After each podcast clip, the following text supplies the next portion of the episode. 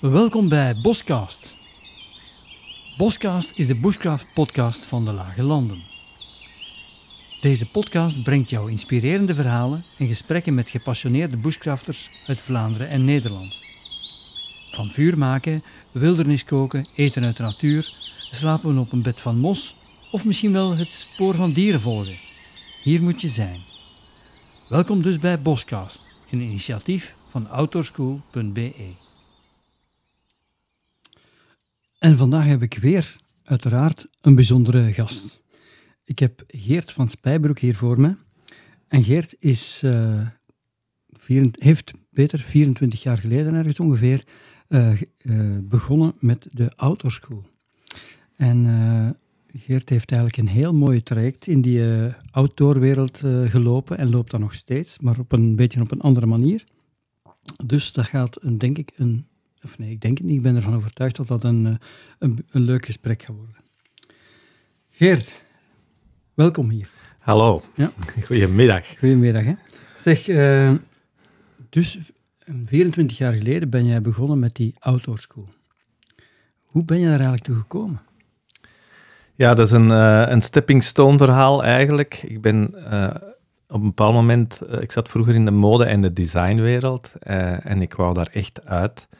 Ben dan via een paar kleine omwegen uiteindelijk bij Ice Adventure terechtgekomen.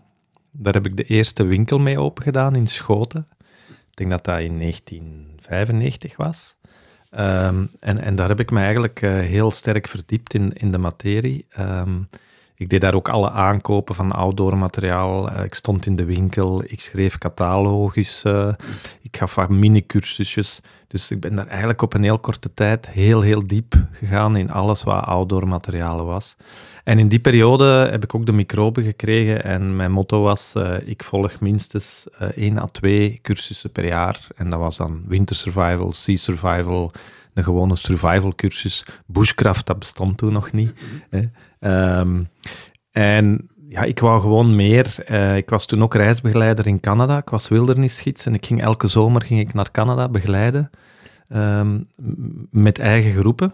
Soms was ik daar vier maanden, van uh, juni tot uh, oktober. Um, ja, en dat zette mij alleen maar aan om nog meer mijn leven daar rond op te bouwen. En dan heb ik toen met mijn nieuwe partner toen hebben wij gezegd, waren wij eigenlijk akkoord van, kijk, laten we zien of we in Dardenne geen via-via kunnen beginnen. En via-via, dat zijn de reiscafés van Joker eigenlijk, hè, die wereldwijd bestaan. En wij vonden het wel een leuk idee om in Dardenne een via-via te starten. Dus we zijn dan echt eh, heel hard op zoek gegaan. We gingen bijna elk weekend met de auto rondrijden, hè, want internet was toen nog maar heel zwakjes en er was nog niet zoveel op te vinden. Um, en zo hebben we eigenlijk een uh, locatie in het bos gevonden waar we echt verliefd op geworden zijn. En daar zijn we gestart met een bed and breakfast. Maar met mijn achtergrond bij Ice Adventure en mijn kennis uh, van alle cursussen, zijn we daar in de tuin ook al begonnen met mini-cursussen. Kaartenkompas, survival. Um, en dat is heel snel, op een jaar tijd is dat al geëxplodeerd naar negendaagse cursussen, vier dagen cursussen, weekendcursussen. Eigenlijk de fundering van, van wat dat uiteindelijk daarna eh, onder mijn vleugels de outdoorschool is geworden, is daar in het prille begin eigenlijk al echt gelegd. -hmm. En waar was dat dan? Dat was in Bohan eigenlijk. Dat ja. was al in de regio waar, uh, waar de outdoorschool nu ook nog heel veel actief ja. is. Um, daar zijn we begonnen. Oké. Okay.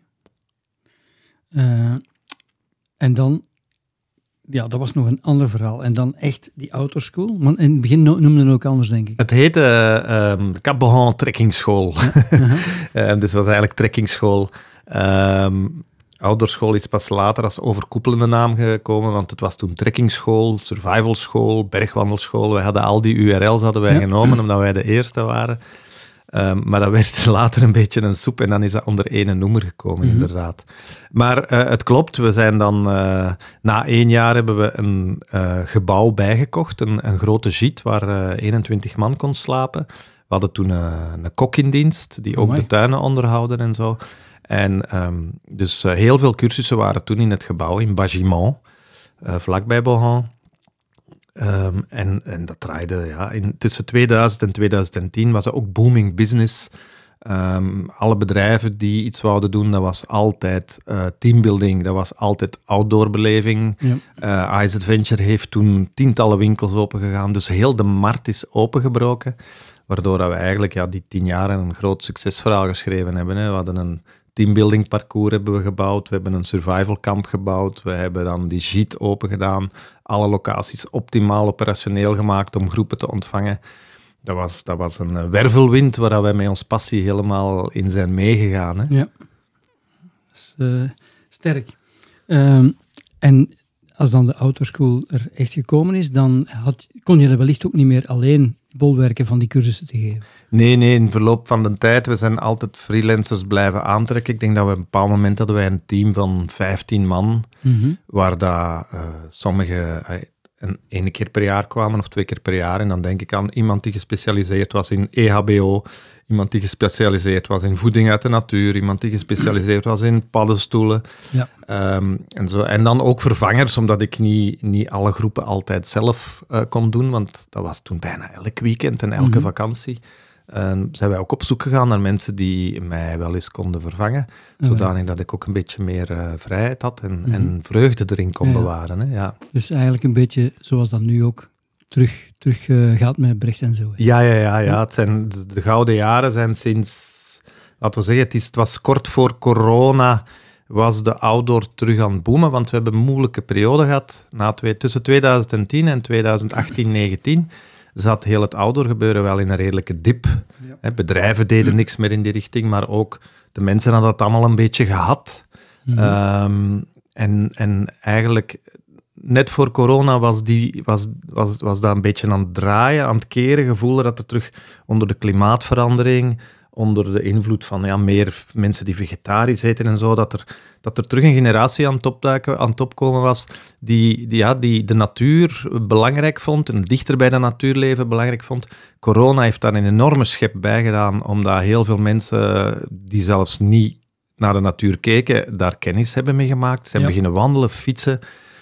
En dan, dan zijn we eigenlijk volgens mij terug in, in die positieve vibe gekomen, waarbij dat we nu weer tien gouden jaren gaan hebben mhm. eh, in, de, in de outdoorwereld, omdat er ongelooflijk veel interesse is. Mhm. Ja, dat is dus, uh, mooi om te zien dat je daar dan op die golven kunt mee. Ja, ja en dat is ook wat dat je moet doen als ondernemer dat natuurlijk. Is juist, hè, want, dat is uh, ja. Zeg, ehm, ja, dat zal niet evident geweest zijn. Nu, ik heb uh, ergens opgevangen dat jij ergens in die tijd ook eens hebt meegedaan met Expeditie Robinson. Ja, dat klopt. In 2003 ja? heb ik mij daarvoor ingeschreven. Um, ben daar eigenlijk vrij gemakkelijk binnengeraakt, ondanks dat er 10.000 kandidaten waren. Ik, had zo'n beetje, ik wist een beetje welke trucjes ik moest gebruiken. Ik, ik was toen 40.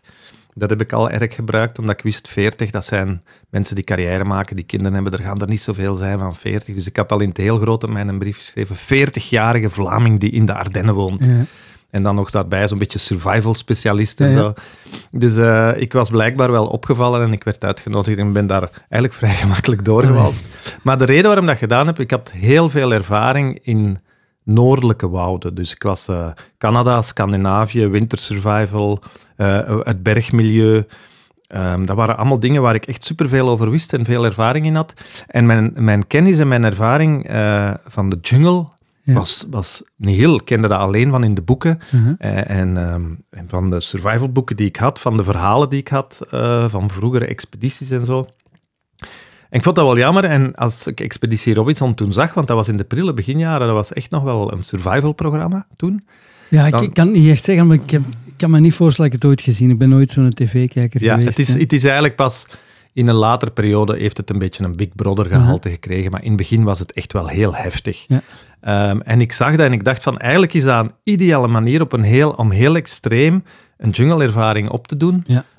Ja, eigenlijk een beetje onder begeleiding van, ja, daar is wel een arts en een helikopter als er iets echt gebeurt. Hè. Mhm. Dus ik vond dat eigenlijk een super, een super gelegenheid. Dus dat had bij mij niks te maken met die titel van Robinson of die, wat was toen, 50.000 euro dat je kon winnen. Dat was voor mij puur oh, voor die beleving. Ja, Een, beetje, uh, ik, een beetje zoals nu misschien die Kamp Waas. Ah, wel ja, ja, ik denk... Ik, ja, uh, ik heb er, uh, dus zoals ik net zei, ik ben niet zo'n tv-kijker, maar daar die twee eerste uitzendingen heb ik wel gekeken, omdat er iemand meespeelt eh, die ik goed ken. En dus dat is wel eh, bijzonder om dat dan op te volgen. Hè. Ehm, waar, waar werd dat gefilmd eigenlijk? Of waar? Ehm, dat was op een eilandengroep eh, van Maleisië. Dat zijn, dat Mhm. zijn honderden eilanden, die zijn eigenlijk eigendom van de koning. Dat is in de eh, Chinese zee. In het buitenland dus. Hè? Ja, ja, ja, ver in het buitenland. Echt- Echt, echt- ver echt in het buitenland. buitenland, Ja, ja, ja, ja. Zeg, en, maar dat zal eh, ook wel allee, een, leuk geweest zijn eh, om, om mee op uw eh, cv te zetten, denk ik. Ja, ik heb het daar niet voor gedaan. nee, nee, hè. nee. Dat was, dat was puur voor mijn eigen kennis dat ik dat eigenlijk wel doen. Maar het neveneffect was inderdaad wel van, ja, Mhm. dat was toen ook hyperpopulair. Dat zat in primetime op het beste uur. Ja. Ehm, dat werd enorm bekeken. Dus ja, veel mensen wisten dat. Legden Toen- ook de link. Toen keek iedereen nog eh, op dat moment, op hetzelfde moment naar tv. Hè. Ook, ja, ja, je eh, kon nog niet opnemen. nu, er waren nog geen digitale kanalen. Nee. Dat was puur tv en zo'n programma. Ja, dat, was, dat was een mega bom, hè. zeker de eerste jaren. Ja. Ja, dat zal wel. Ja. Eh, bushcraft is nu meer en meer bekender geworden. Hè. Mhm. En ehm, dat, is, eh, dat is eigenlijk ook voor... Daarom is ook de naam van de, van de podcast hier, Boscast, de Bushcraft podcast. Omdat het ook schoon bekt eigenlijk. Hè. Mhm. Ehm, hoe, is, hoe, hoe heb je dat zien veranderen, zo? Die, die een tendens naar bushcraft? Of heb je een idee waar dat van gekomen is?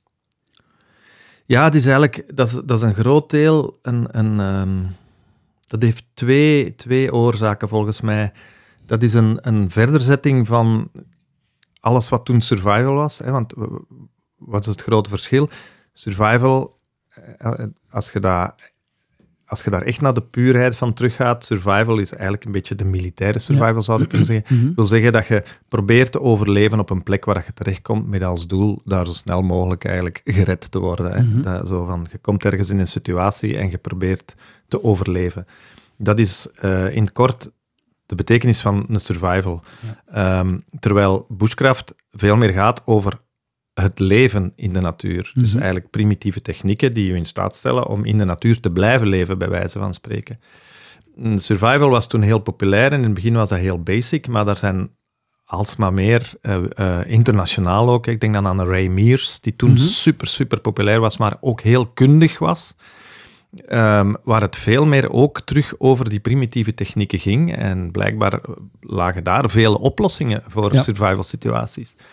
En op die manier is dat eigenlijk meer en meer geëvolueerd naar mensen die zich echt hebben gespecialiseerd. Mhm. Eh, in het begin waren dat vaak mensen die zich in één iets specialiseerden, maar uiteindelijk, ja, een goede bushcraft, bushcrafter was iemand die ja, van alle disciplines in de bushcraft Mhm. ook wel thuis was. En ja, hoe meer dat je daar eh, van wist en hoe meer dat je kon toepassen, hoe beter dat je je plan kon Ja. trekken natuurlijk. Hè. Ja, en we- wellicht is het dus grotendeels eh, overgewaaid uit de Angelsaksische wereld. Hè. Dus mm, wellicht ook Amerika, Canada veel. Waar dat, die stonden misschien ook nog dichter bij de, bij de cowboys en de indianen. misschien, ik weet het niet. Eh, en, en waar er ook veel, veel natuur is.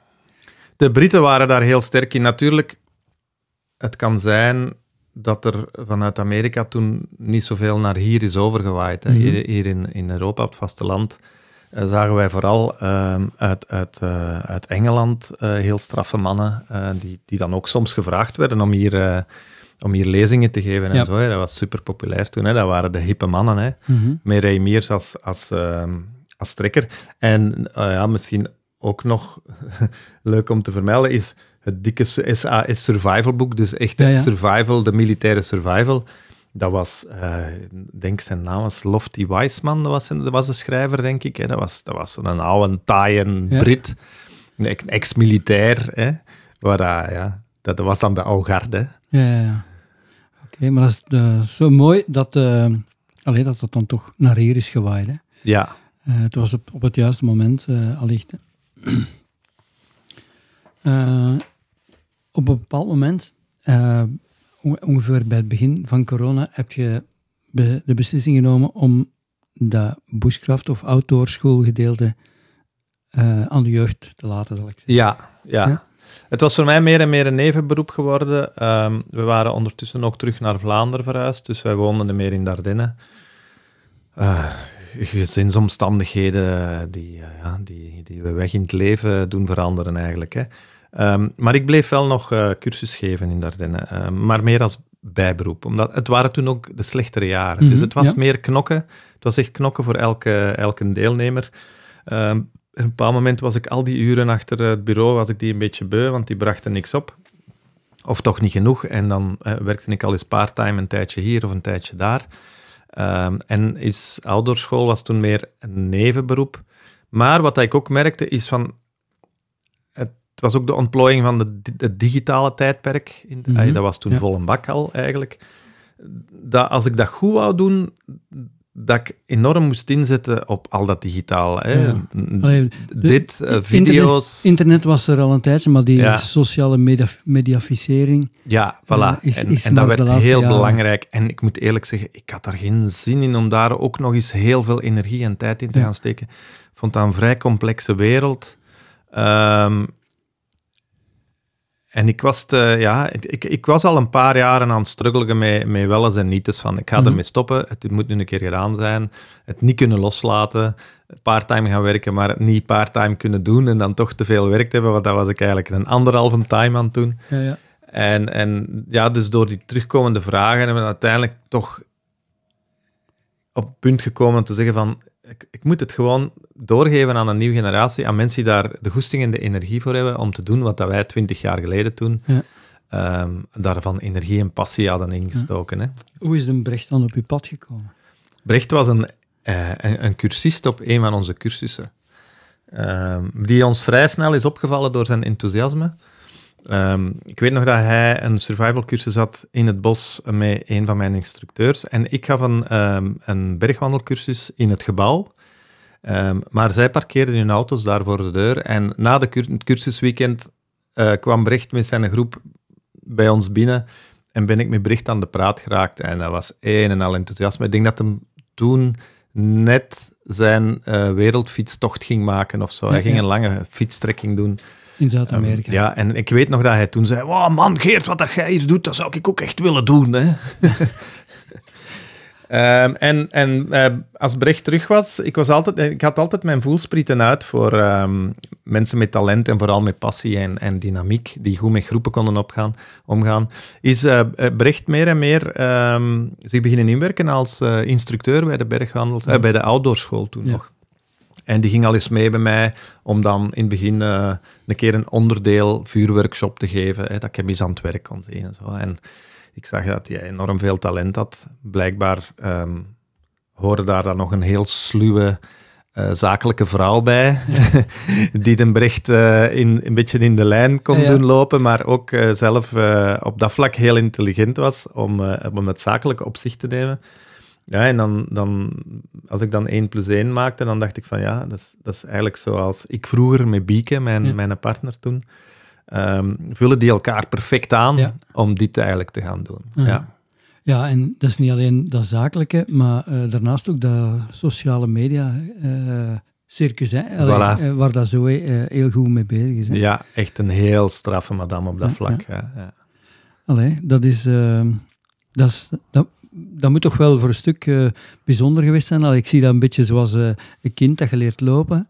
En als het dan kan, kan gaan, dan moet, moet je dat op een bepaald moment loslaten. Ja, ja, dat is inderdaad heel raar, hè, want dat is echt u, ja, alles wat je hebt opgebouwd. Hè. En, uh, en, uiteindelijk, ja, het, het straffen aan het verhaal is ook dat...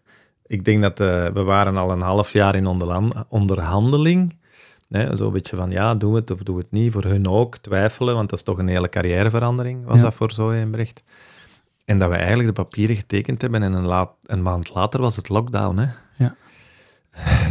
dus ja, dat was een heel rare situatie voor hun en voor ons. Zij zaten met heel veel goesting om daarop te vliegen. Um, maar achteraf gezien is dat het beste dat hun kon overkomen. Ja, ik denk het ook. Want die, die coronajaren, um, die hebben de markt helemaal klaargestoomd. En vanaf dat de deuren terug open gingen, is, dat, is, is autoschool, dankzij hun inzet, maar ook een stuk door corona, is dat ja, ontploft. Hè. Plotseling wou iedereen terug naar de natuur. Ja, dat is, eh, dat is, dat is mooi dat dat dan zo als een puzzel in elkaar Ja, ja, ja. eigenlijk uh, achteraf gezien is dat een cadeau geweest. Ja, ja. Um, als, je nu te, als je nu kijkt naar de autoschool en naar uw kleine die jij op de wereld hebt gezet, wat denk je dan? Uh, ja, vier. Ik zie, ik zie ons in de succesjaren tussen 2000 en 2010, hè, waar dat je waar dat de zaken goed draaien, waar dat je op alle cursussen te veel inschrijvingen hebt, uh, waar dat je mensen moet weigeren, waarbij dat je de ene locatie na de andere opent en opbouwt en dat verhaal herhaalt zich bij hun. Hè. Zij, mhm. zij groeien en groeien, zij herinvesteren ook de inkomsten. Dat is ook wat dat wij gedaan hebben. Alles wat binnenkwam werd terug geherinvesteerd. Mm en alles draaide echt rond, rond de ouderschool. Ook de energie die je hebt op die leeftijd. Ik zeg altijd tussen je 30 en je 40 moet, moet je het neerzetten. En dan heb je mhm. de goesting, de kennis, de maturiteit, maar ook nog de energie. Je hebt nog de energie om 12 tot 16 uur per dag bezig te zijn met je hobby, waar dat je een beroep van probeert te maken. Hè. Op je 40 constateren dan dat als je van je hobby je beroep gemaakt hebt, dat je geen hobby niet meer hebt. Hè? Mhm. en dan begint de wereld er weer wat anders uit te zien. Maar dit is de periode dat ze het moeten doen. En ze doen het eigenlijk op dezelfde manier als dat wij er zijn ingevlogen. En, mhm. en dat maakt mij natuurlijk wel heel blij. Ja. Ik ben mhm. echt wel fier op hun. Ja. ja dat is tof. Ik vind dat ook uh, heel leuk hoe zij daar... Allee, hoe zij daar nu mee bezig zijn. Dat is natuurlijk een verlengde, hoe, hoe, dat, hoe jij of dat jullie daar al mee bezig waren. Dat ze dan in die verschillende opleidingen, en zeker bij de jaartrajecten, dat ze dan uh, heel veel uh, beroep doen op, op externe hè, en, en externe specialisten, zoals jij. Ja. En dan kom jij terug aan bod uh, als, als bergwandelspecialist. Ja, ja, dat klopt. Dat is waar mijn passie ook nog gebleven is na de outdoorschool. Uh, ik moet eerlijk toegeven, ik had mijn uh, eh, 5000 kampvuren en mijn uh, 5000 overnachtingen in de tent waarschijnlijk al wel gehad. En ook met wat ouder te worden, het sprak mij echt niet meer zo aan om op een heel primitieve manier een cursus te geven. Zeker als je in het bos zit, zijn eigenlijk uh, bijna uh, eh, 20 uur per dag bezig. Hè, want je zit de eerste die een op is te zetten, de laatste die gaat slapen. Je, zit met die voorbereiding, je moet al dat materiaal daar naartoe brengen. Je bent verantwoordelijk voor het eten. Je bent bezig met de inschrijving. Dat is een enorme intensieve job. Mhm. En uiteindelijk, uh, het mooie aan, aan bergwandelen is, is ja, ik doe vooral huttentochten. Um, ik geef mijn cursussen ook in gebouwen, want ik heb behoefte aan een leslokaal, leslokaal met een PowerPoint om een keer een kaart kompas te goed te kunnen geven en zo.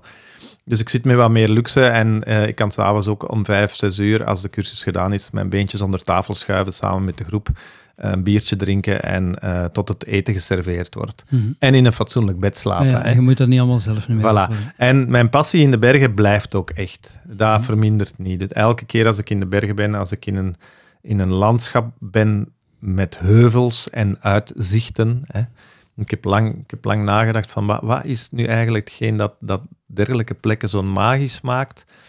En mijn conclusie is eigenlijk eh, het, het, de wijsheid geworden. Want dat zijn... was eigenlijk mijn volgende vraag. Zo, waarom trekken die bergen zo aan jou? Ja, er zijn, ik ben, dat is een, een antwoord dat ik nog maar een jaar, sinds het laatste jaar wat ontdekt heb, is... Um, ik las ergens een artikel over dat uh, open ruimtes, waar we heel ver kunnen zien, geeft ons uh, instinctief een gevoel van veiligheid en rust. Dat is natuurlijk vanuit een oerinstinct. Ja. Dat je op die plek ziet je de vijand en het gevaar aankomen. Dus als je op een plek zit waar je heel ver kunt zien, weet je dat je veilig bent, want je ziet het gevaar van ver aankomen. Ja. Dat schijnt ergens uit de oertijd mm in ons on onderbewustzijn zo ingeplant te zijn.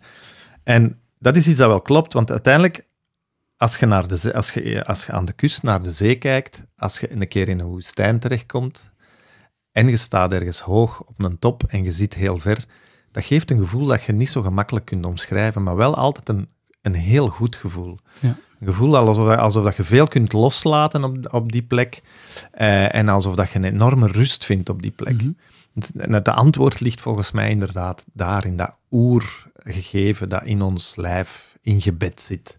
Oké, dat is mooi. Dat is uh, wat dat ook bij, bij veel andere mensen die al op gesprek zijn hier uh, gezegd hebben, dat vaak zo, dat vuur, dat is ook zo'n oerinstinct, dat, dat, dat, dan trekt rond de kampvuur en zo. Hè. Ja, absoluut. En ja, ja. Dat zijn toch dingen die, die echt in onze genen zitten. Hè? Absoluut. Zoals voor de eerste keer vuur kunnen maken zonder een hulpmiddel, zonder een, zonder een modern hulpmiddel. Ja. Um, ik, ik, heb dat heel veel zien gebeuren, omdat wij, um, omdat wij dat vroeger tijdens de survival cursussen ook al deden. Vuur maken zonder hulpmiddelen, dus puur met, met, met hout en stokjes, met de vuurboog.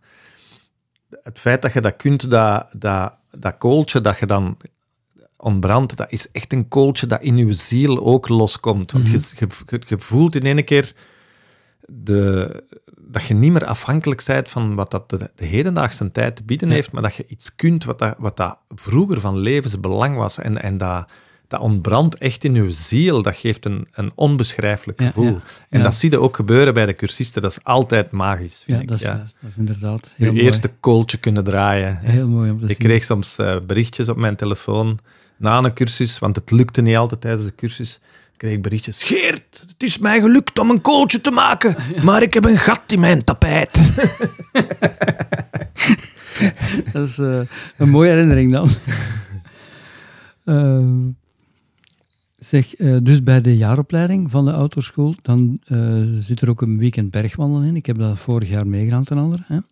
Dat is interessant om die op, op, op heel korte, kort stukje zo, hè, die, die technieken uh, van daarmee kennis te maken.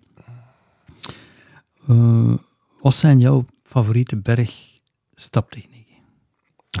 ja, ja, ik, ik heb gerefereerd naar de mooie namen, hè, maar wij delen dat eigenlijk in in drie. drie hey, dat is echt dat is een ter terminologie puur van de bergwandelschool omdat wij eh, tijdens de cursussen ook proberen om de mensen wat kapstokken mee te geven, waar als, ze, mhm. als ze alleen op tocht zijn, kunnen op terugvallen. Dus we hebben één techniek in het afdalen, noemen wij de gorilla-techniek. Ehm, dat is omdat dat heel veel lijkt op een gorilla die ergens aan het rondwandelen is. Dat heeft te maken, alles heeft te maken met hoe je zwaartepunt mhm. gaat leggen. En de gorilla-techniek is daar ideaal voor. In stijgen noemen we dat de flamingo-techniek, omdat we dan één been mooi gaan uitstrekken. Uh, en ook mooi rechtop wandelen. Ik zeg altijd, in stijgen ben je een mannequin. Hè. Je moet mooi borst vooruit, kin omhoog. Ook weer om je zwaartepunt op de juiste plek te krijgen. Dat zijn zo uh, twee, twee favorieten. Hè. We hebben dan nog um, de, de techniek om op, uh, op vlakke grond te wandelen. Wat dat, wat, vroeger noemden we dat um, de ghetto walk. Hè. Um, nu heet dat meer de lazy walk. dat gaat een beetje terug naar de manier waarop we als pubers eigenlijk uh, nogal nonchalant met een hangende houding rondwandelden in het leven. Maar eigenlijk is dat een zeer ergonomische manier. Hè. Ik zeg mm ook altijd als pubers in één ding uitblinken, is in luiheid. Hè. Dat zit gewoon in hun genen, daar kunnen zij niks aan doen. Dat is een, een, een, een genen die, da, die daarnaar roepen. En, en als je een puber ziet wandelen, dan vertelt hij ons eigenlijk al op welke manier dat je met de minste energieverbruik eigenlijk kunt wandelen. Ja. Dus ja, dat zijn zo'n aantal termen die daarin terugkomen, maar die mensen ook helpen om van tussen technieken te schakelen volgens de omstandigheden. Ja. Terwijl je het vertelt, zie ik... Uh in mijn herinnering de Brecht als 15-jarige lopen met zo'n veel te grote broek die, die half zijn gat Ja. Uh, ja. Dus een, mooie, uh, een mooie link. Zeg, je hebt ook zo in, de, alleen in dat weekend verteld zo wat je meeneemt, hè, of, mm -hmm. wat, wat, je hebt mee te nemen in, in je rugzak of in, in uw, alleen bij je bagage. Hè. Als jij gaat wandelen, wat heb je altijd mee? Als je gaat wandelen in de bergen? Ja, ja. Uh, in de bergen, ik ga er altijd vanuit, als we spreken over de bergen, dan spreken we over een huttentocht. Dus ik spreek dan niet over een bivak-situatie. Mm Dus eigenlijk het enige dat je hoort bij te hebben in een berghut is een lakenzak. Mhm. Voor de rest is dat je persoonlijk materiaal, hè, je kleding, lagersysteem. Zo weinig mogelijk. Ik zeg altijd, op de koudste moment van je tocht moet je alles aan hebben dat je bij had. Dus je hebt geen twee broeken bij, maar je hebt wel een lang onderbroek, waarover dat je een trekkingbroek kunt dragen, waarover dat je een regenbroek kunt dragen. Dus dat zijn eigenlijk al drie broeken. En hetzelfde geldt voor het lage systeem bovenop je lijf. Um, zodanig je heel flexibel bent, maar dat je ook in de bergen kunt uh, rekening houden met extreme weersveranderingen. En dat kan zijn dat je in de zomer in een winterstorm terechtkomt. Daar moet je op voorzien zijn. Dus op die moment moet je rugzak leeg zijn qua kleding. Daarnaast is uw EHBO vrij belangrijk. Um, omdat je inderdaad in afgelegen gebieden zit waarvan dat je niet weet of je onmiddellijk hulp gaat kunnen roepen. Je hebt tegenwoordig heel veel gsm-bereik. Dus je kunt de nooddienst helpen, uh, bellen. Uh, is het weer geschikt om een helikopter te laten komen? Hè? Uh, heb je bereik? Moet je eerst gaan zoeken naar bereik? Dus het kan even duren voordat je hulp krijgt. Dus je moet hulp kunnen bieden als er iets gebeurt. Um, dus dat is al zeker, zeker, zeker een belangrijk iets. Um, ja, en, en daarnaast, um, behalve nu kleding, heb je eigenlijk niet, in essentie niet zoveel nodig. Je hebt je oriëntatiemateriaal natuurlijk. Je hebt altijd een kaart en kompas. Ik, uh, Ik navigeer in de bergen niet digitaal. Je kunt ten eerste niet opladen.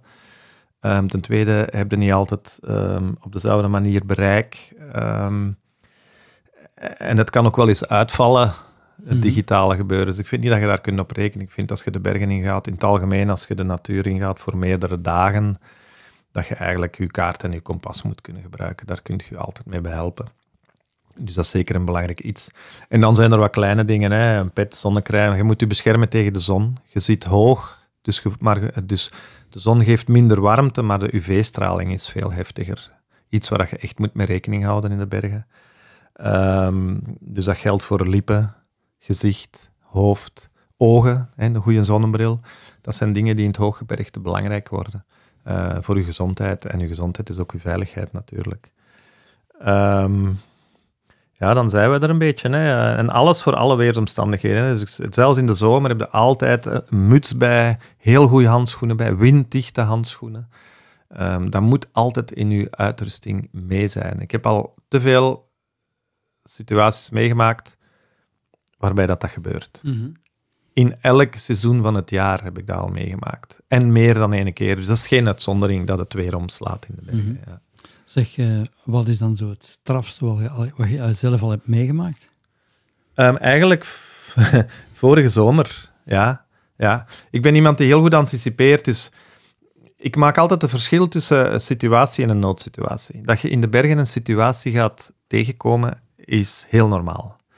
Als je het juiste materiaal bij hebt, als je de goede beslissingen neemt, als je voldoende kennis hebt, dan blijft een situatie een situatie. In een sneeuwstorm terechtkomen wil niet zeggen dat je in een noodsituatie terechtkomt. Dat hangt er volledig van af hoe dat je daarmee omgaat. Ehm, een noodsituatie wordt het als blijkt dat je in een sneeuwstorm de weg verliest, niet genoeg kleding aan hebt en niet weet wat dat je moet doen om je terug wat warm te krijgen. Dan wordt je situatie een noodsituatie. Ehm, en vorige zomer eh, was ik in het Belladonna-massief, dat is eh, naast Grenoble. Dat is vrij onbekend, een heel mini massiefje, maar wondermooi. Eh, het weer was niet goed, we hadden heel veel mist en regen.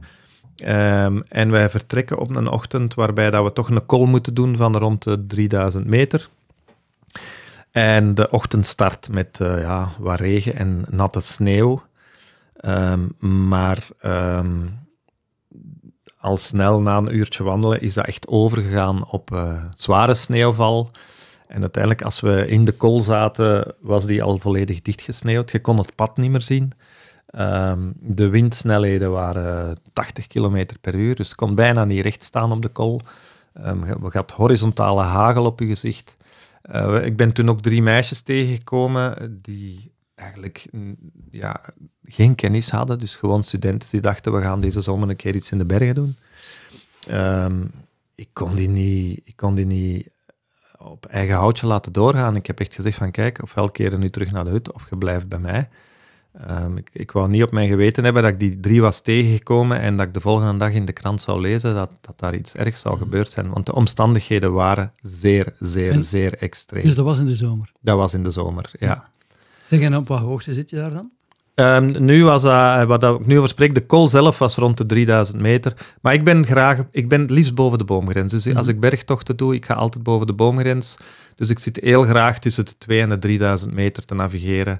Ehm, hoe, hoe, hoe ruwer het landschap, hoe meer rotsen en mossen en hoe meer elk bloemetje een wonder is, hoe liever dat ik er ben. Dus Ja. het geeft mij, ik zeg altijd, geef mij maar de, de maanlandschappen in de bergen. Veel mensen zeggen tegen mij, maar ja, maar dat is toch saai? Nee, daar, daar, alles wat daar mooi is, is extra mooi, omdat Mhm. het een wonder is dat het daar groeit. Ja. Ja, en dit- ik heb dus ook graag die onverwachte extreme situaties. Als berggids is dat ook waar dat je een meerwaarde te bieden hebt. Want mensen meenemen op een bergtocht, als alles goed gaat en als het schoon weer is, dan denken ze van ja, eigenlijk hebben wij daar wel een gids voor nodig. Ja, Hè? Maar het is vanaf dat het fout loopt en dat er dingen gebeuren met iemand of met de omstandigheden of met Mhm. het weer of met het pad, ja, dan, dan begint je als gids te werken. En de- als dat weer heel extreem is, ik krijg daar energie van, terwijl ik heel mijn groep zie in elkaar kruipen, kruip ik eigenlijk hoger en hoger. En dat is mijn belangrijkste kracht als gids, is dat ik mezelf overstijg stijg als ik problemen heb, als het heel extreem wordt. Krijg daar energie van, ik word daar sterk van, ik word daar heel alert van, krijg daar adrenaline van. En ik kan op een of andere manier, sla ik erin om die positieve energie die ik daarbij voel, van we beleven nu samen dit avontuur waar we nog jaren gaan over spreken, dat gevoel kan ik, ik slaag erin om dat op die moment al mee aan de groep te geven en te zeggen van kijk mannen, we zijn hier samen, we gaan hier door, ik weet dat jullie dit kunnen, anders zou ik terugkeren, maar wij gaan gewoon verder, omdat ik weet dat het kan, omdat we goed zijn uitgerust. En omdat we nu eindelijk samen de avontuur beleven. We zitten allemaal voor een tv en we zeggen, oh, dat wil ik ook eens doen. We kijken naar Campa's, we willen dat ook eens doen. Maar als we daar staan, moeten we ook kunnen doorgaan. Ja. Want het is door door te gaan, zeker als groep, de mensen waar dat je bij waart in een dergelijke situatie, je vergeet voor de rest van je leven niet meer met wie dat je waart. Dat is een zeer intense belevenis die je eigenlijk als je oud bent, nog altijd gaat vertellen aan je kleinkinderen en aan een toog aan de kameraden. Mhm. En dat zijn de mooiste momenten in het leven. Ik zeg dan ook tegen mijn groep, laat ons dat dan nu al beleven. Hè. Ja. Als je weet dat het later zo'n tof verhaal gaat zijn, geniet dan nu al van het verhaal dat we nu aan het schrijven zijn. Ja. Zeg, en dus daarnet heb ik gevraagd, wat was het strafste verhaal? Wat was dan het mooiste wat je hebt meegemaakt? Met een groep bijvoorbeeld. Oeh. Mensen vragen ook dikwijls, wat is de mooiste tocht die je al gemaakt hebt? En, en ik, ik, ehm, ik kan daar niet op antwoorden. Ik, ik weiger daar ook op, op te antwoorden, omdat uh, schoonheid, zeker ook in bergtochten, is een combinatie van omstandigheden. Dat, is, mhm. dat kan uh, een, een, toffe groep zijn waar, waar het bij klikt, op een locatie komen dat je niet verwacht, een maaltijd krijgen waar dat je verbaasd van bent. Hè ook daar net genoeg honger voor hebben. En dan blijkt er in die hut ook een lokaal biertje te zijn. En, en het is die avond een ongelooflijke sterrenhemel. Um, en je zit s'avonds rond de kachel en je speelt een spelletje en je, moet, je zit te schaterlachen met iedereen. Dat zijn ook fantastische momenten. En, en ja, zo heeft, alles heeft zo... Ik zal mijn vraag een beetje anders stellen. Of de, een beetje wijzigen, dat het misschien makkelijker is. Wat is het mooiste compliment dat je al gekregen hebt? Ah, uh, ik, ik herinner mij altijd een vrouw die zei van Geert, ik ben al vijf jaar in therapie en die één week hier met u in de bergen heeft bij mij al veel meer losgemaakt dan die vijf mhm. jaar. Dus ik heb, ik heb al uh, veel traantjes gezien in de bergen en van mensen die trauma's, psychologische problemen, relatieproblemen, um, daar uh, kunnen loslaten. En, en dat is voor mij de, de schoonste cadeau dat ik kan krijgen. Mhm. Want je, je moet ik zeg altijd ook tegen reisbegeleiders en gidsen, je moet niet gidsen of geen reizen begeleiden omdat je uh, graag in de natuur zit of omdat je graag reist. Dat, dat hoort erbij. Maar je moet dat doen omdat je mensen graag ziet. Ja, is... dat is de enige manier om een goede gids te zijn. Je hebt fantastische berggidsen die technisch gezien alles kunnen, maar die vergeten heel vaak achteruit te kijken van hoe is het met mijn groep. Hè? Die kijken gewoon naar het doel en die gaan. Nee, nee dan zijn er geen... Dan zijn er geen, geen gids, vind ik. Nee. Voilà. En dat is, dat is het belangrijkste, vind ik, in die job. Je moet eerst mensen graag zien en daarnaast moet je ook graag in de omstandigheden zitten. Uh, als ik dat zo hoor, hè, je bent je hebt uh, jaren ook in Canada uh, actief geweest. Ja. Dus ik vermoed dat je wel, wel het een en het ander gezien hebt. Maar zijn er zo dingen dat je stiekem denkt, dat of dat wil ik nog wel eens doen? Uh, ik, ben, ik ben vorige herfst terug naar Nepal geweest. wat ik al twintig jaar zeg. Ook van, als ik nog eens ergens naartoe wil voor de tweede keer, dan is het zeker naar Nepal. Um, en dat is omdat de dimensie van de bergen um, je kunt dat eigenlijk bijna niet in woorden beschrijven. Dus als je in de Alpen komt, dat is indrukwekkend, dat is fantastisch mooi. Maar als je in Nepal komt, dat is de Alpen maal x tot de zoveelste macht. Mhm. Je kunt dat bijna niet beschrijven, hoe groot daar de valleien zijn. Je staat daar op 5000 meter, je kijkt naast u en daar staat weer een berg dat nog twee kilometer hoger is dat zijn cijfers, maar gewoon wat dat, dat doet met u om dat te zien, dat is, dat is enorm. En dat gecombineerd met de, de lokale cultuur, de Nepalezen zelf, dat zijn super vriendelijke, gedienstige mensen. Die zijn zo geduldig. Daar wordt geen ruzie gemaakt. Maar, en ook heel ondernemend. Hè? Heel ondernemend, hè, want alles, ja, in de Everest, Everest-regio, zal ik maar zeggen, Kathmandu, daar draait het leven al bijna 100 jaar rond toerisme. Hè. Mhm. Ehm, dus dat is ook een, een, primaire industrie, is het toerisme. Um, ik denk dat corona er bij hun heel zwaar ingehakt heeft, omdat er gewoon in één keer niks meer was. En daar, miljoenen mensen leven daar 100% van. Hè. Dus ja. ik vraag me af hoe dat ze het geflikt hebben om daardoor te geraken.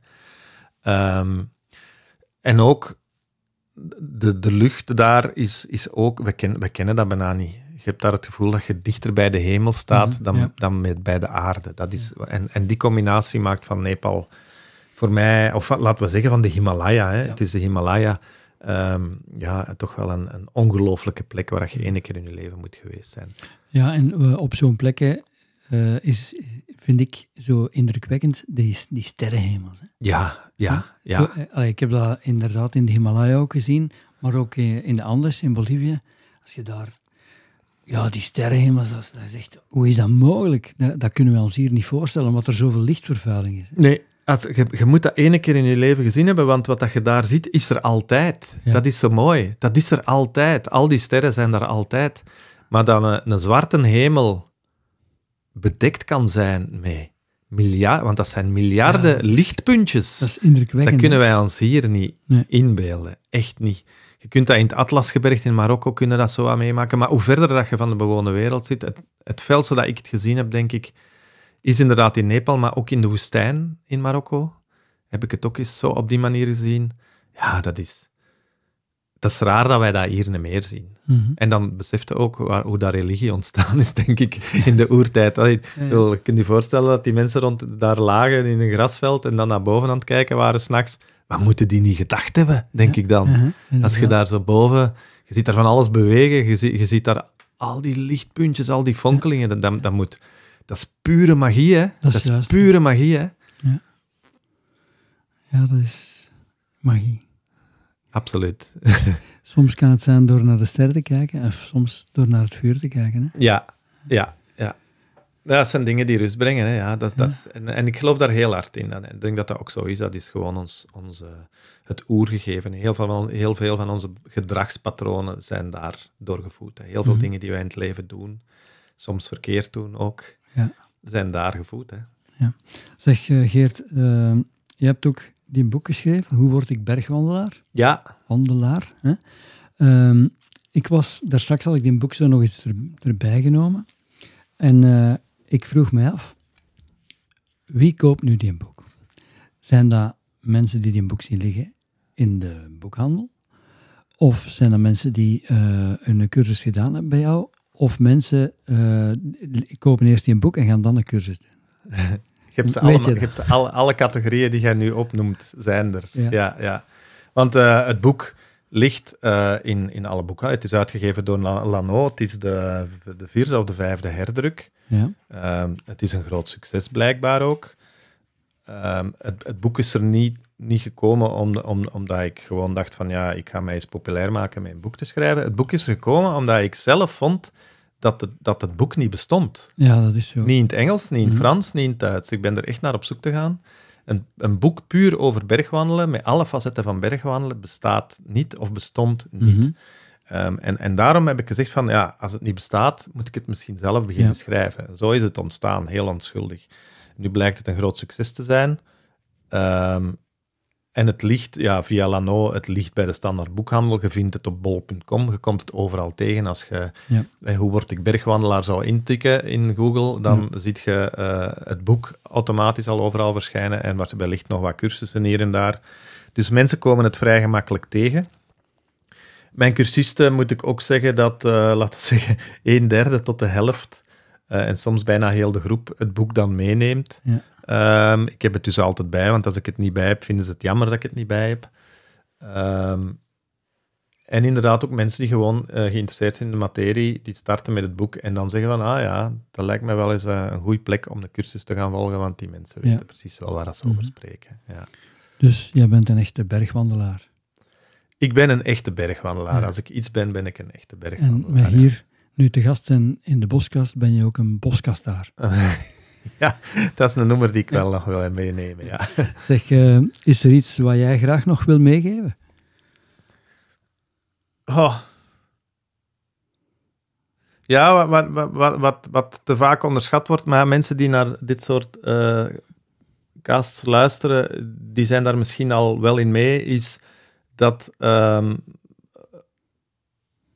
wat, wat ik het jammerste vind dat ik tegenkom, zowel als ik op tocht ben, hè, het verhaal van die drie meisjes daarnet, als ik in Dardenne aan het wandelen ben eh, op moeilijke paden, ehm, als ik in de zomer, in de vakantiemaanden de kranten openslaag, is dat eh, veel te veel mensen eh, denken dat naar de bergen gaan iets is dat je zomaar kunt doen. Mhm.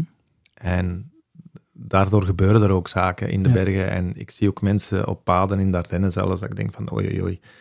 Eh, heel de gezinnen die op de verkeerde schoenen op het verkeerde pad zitten en niet weten waar ze mee bezig zijn, waar ze naartoe moeten. Ehm, en, en dat is jammer. Dat is jammer. Ik merk dat ook, dat, dat het percentage vrouwen in mijn cursussen is veel hoger. Mhm. Dat is bijna 8 op 10. Ja. Soms, soms alleen vrouwen in een cursus. Omdat mannen zoiets hebben van, ja, bergwandelen, dat is toch alleen op en af gaan, daar heb je toch niks voor nodig, daar moet je toch niks voor kunnen.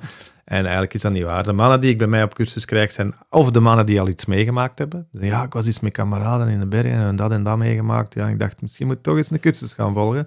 Of mannen die papa geworden zijn en die hun kinderen beginnen meenemen en dan in één keer een verantwoordelijkheidsgevoel beginnen Ja. krijgen, bijvoorbeeld. En je hebt ook gewoon jong gasten die, die direct doorhebben van, nou ja, hier moet ik op cursus komen, want als ik dit wil doen, moet ik meer weten. En, en, en dat, dat is een belangrijke boodschap dat ik, wil vers- dat ik wil blijven verspreiden, is als je naar de bergen wilt, in veiligheid en vertrouwen, dat je echt moet weten waar je mee bezig bent. En dat kun je niet zonder de nodige kennis op te doen en een aantal vaardigheden te hebben. Ja. Want dat zijn de mensen die in de gazet staan in de zomer. Ja. In de klimsport gebeuren statistiek gezien veel minder ongevallen. Ja, Maar je kunt niet gaan klimmen zonder dat je iets geleerd hebt. Je Nee. moet touwtechnieken kennen, je moet materiaalkennis hebben. Bergwandelen is zo niet. Hè. Je kunt je, je, je chaletje huren ergens in Oostenrijk en je trekt de bergen in met een mars en een, een KW en een flesje water. Dat kan iedereen, maar het Mhm. is als er iets gebeurt of als het weer omslaagt, dan wordt het plotseling heel, heel Ja. serieus. Hè. Ja. Ja. inderdaad. Ja, dan ben je wel een bezige, een bezige bij. Hè? Eh, eh, ik ben eigenlijk wel eens benieuwd, welk is nu eigenlijk de meest populaire cursus? De cursus die we het meeste moeten organiseren en die altijd vol zit zit, dat is ehm, eigenlijk een heel interessante basiscursus. Dat is juist die cursus eh, stapergonomie voor heuvels en bergen. Ehm, en met de gorilla en de flamingo, waar we het er net over hadden. Ehm, dat is een cursus waarbij dat we mensen leren stijgen zonder ook maar een beetje moe te worden. Dat is echt ongelooflijk. Als ik het zo zeg, zou het niet geloven, maar ik kan nu echt eh, leren om 300 meter in een zeer steile helling omhoog te gaan, zonder ook maar een beetje buiten adem te zijn.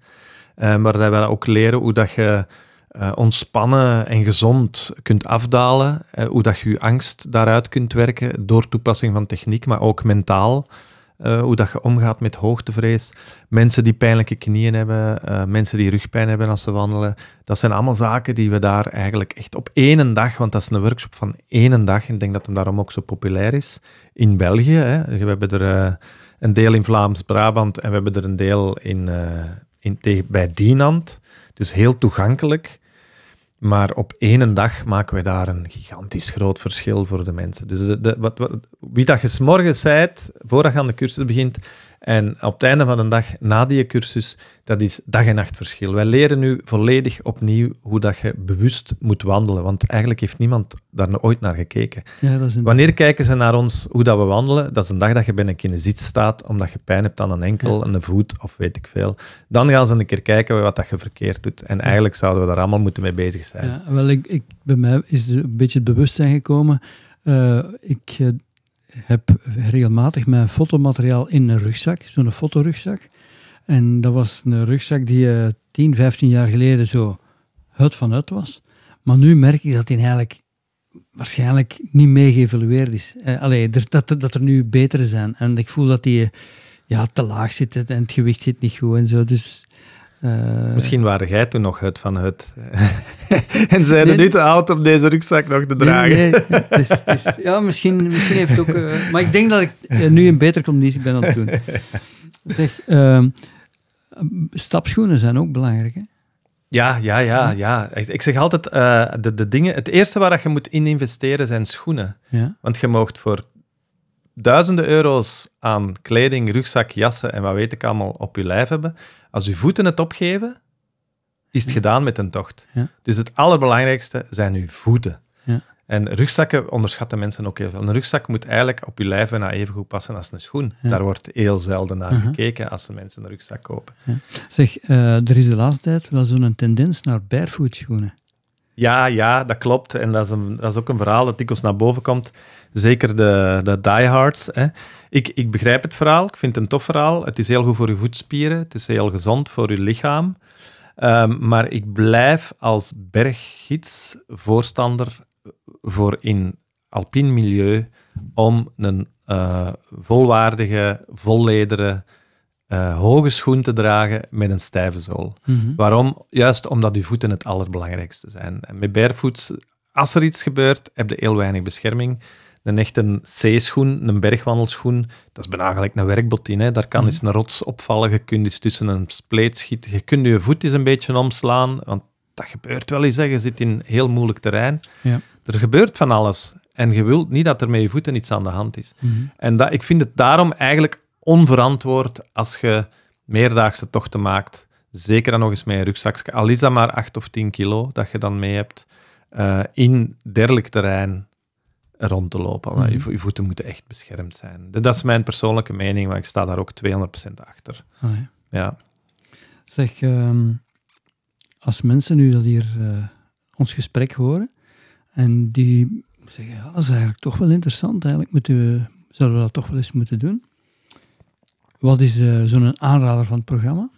Wel, als je eens mee wilt met een hele interessante gids, die je ondertussen ook nog van alles gaat bijleren, dan vind ik eh, onze tocht naar de Vogezen vind ik eigenlijk het beste instapprogramma. Waarom? De Vogezen, dat is vijf uur rijden van hier. Hè. We vertrekken s morgens, we zijn daar smiddags. In de namiddag doen we al een inloopwandeling. Ehm, en eh, de, de paden in de Vogezen die wij bewandelen zijn... Hè, want de Vogezen is maar maximum... ah, je pakt rond de 12, 13, 1400 meter hoog. Dat is een middengebergte. Ehm, maar de paden die wij uitkiezen in de Vogezen zijn van zeer alpine aard. Dus dat, is, dat is een manier om je bergwandelskills en je wandeltechnieken wat te optimaliseren, onder begeleiding van iemand die u nog bijschaaft. Maar ook dat is te beleven. Ehm, het is uitdagend en de, de omgeving is elke dag anders. Het is Mhm. ongelooflijk dat je in zo'n klein gebied zoveel biotopen kunt hebben. We zitten daar in blokkenvelden, we zitten daar in een bos dat precies eh, lijkt alsof dat je in Lord of the Rings rondloopt. Ehm, daar zijn vennen, daar zijn, daar zijn meertjes. We zitten daar in een stuk eh, dat lijkt op de Hoge Venen bij ons. Hè. De, de Fanje heet dat daar ook. Ehm, ja, en, en, en, en dat gebeurt allemaal op drie, vier dagen tijd. Dat je Ja. van dat een in de ander terechtkomt op Mhm. een zeer kleine oppervlakte. Daarnaast zitten we in een gastenboerderij waar we zo, zo een authentieke boerenkeuken krijgen. Zware kost, hè, maar met lokale producten. Hè, met munsterkaas. met echt eh, recht van de boerderij heel vaak. Dus ja, dat, dat, dat allemaal samen. En we leven als groep in, in de gastenboerderij. We hebben onze eigen kamer met een eigen badkamer. Dus je hebt ook een beetje luxe. Dat maakt eigenlijk dat dat een super toffe uitstap is. Mhm. Waar dat je enorm amuseert. Veel te veel eet. En overdag in fantastische biotopen zit. En toch vrij extreem kunt wandelen. Allee, het, Ja. het water loopt mij uit de mond. Ja, ja, het is een ongelooflijke. We doen hem eh, een keer in mei en een keer in augustus. Dus twee keer per jaar, omdat het zoveel succes heeft. Ah, wel, dat is eh, goed om mee te nemen. Heel goed, ja. Eh, ik, dan gaan we denk ik afronden. Ik ben heel blij dat je geweest bent. dat we hier een fijn gesprek hebben gehad over eh 20, 25 jaar bosbeleving. Ja, absoluut. Bos- en bergbeleving. Zo, ja. ja Oké, dank Bedankt om hier te mogen zijn. Ja. Bedankt om af te stemmen op Boscast, de Bushcraft-podcast van de Lage Landen. Heb je ook genoten van de bosbeleving in deze aflevering? Geef ons dan een like en deel Boscast in jouw netwerk. Zo kan onze Bushcraft-community groeien en daar worden we allemaal blij van. Tot een volgende aflevering van Boscast, de Bushcraft-podcast van de Lage Landen.